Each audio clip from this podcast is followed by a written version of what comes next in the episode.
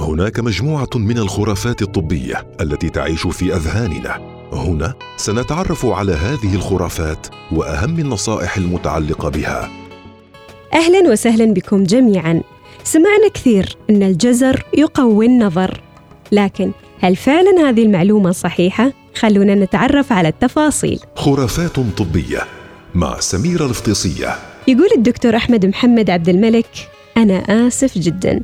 دعني أخبرك وبكل ثقة أنك إذا كنت مصاب بقصر النظر وتلبس النظارات الطبية وإن أكلت كل الجزر اللي بالعالم فذلك لن يقوي حاسة الإبصار لديك ولن يجعلك تترك نظارتك الطبية أبداً.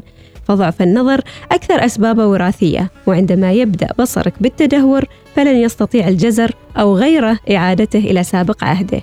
وبالرغم من ذلك لا زال للجزر بعض الفوائد فيما يخص العين ومنها الجزر يحتوي على البيتا كاروتين الذي يتحول إلى فيتامين ألف. فيتامين ألف يساعد الشبكية على الإبصار بالظلام ويقي من العشى الليلي.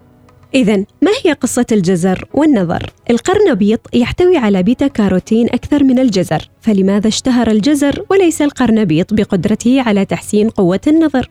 ترجع قصة خرافة الجزر إلى أيام الحرب العالمية الثانية، في أربعينيات القرن الماضي حيث كان يعتمد الطيارون الحربيون على إبصارهم كثيرا بسبب عدم توفر تكنولوجيا الرادارات الحديثة الموجودة حاليا وقد اشتهر في ذلك الوقت طيار بريطاني اسمه جون كونغيهام ببصره الحاد وبإسقاطه للطيارات الحربية الألمانية وتم استغلال ذلك من قبل الإعلام البريطاني لتشجيع الناس على أكل الخضروات في تلك الحقبة عن طريق ترويج أن الكابتن جون كان يأكل الجزر فظهر ظهرت وانتشرت خرافة أن الجزر يقوي النظر.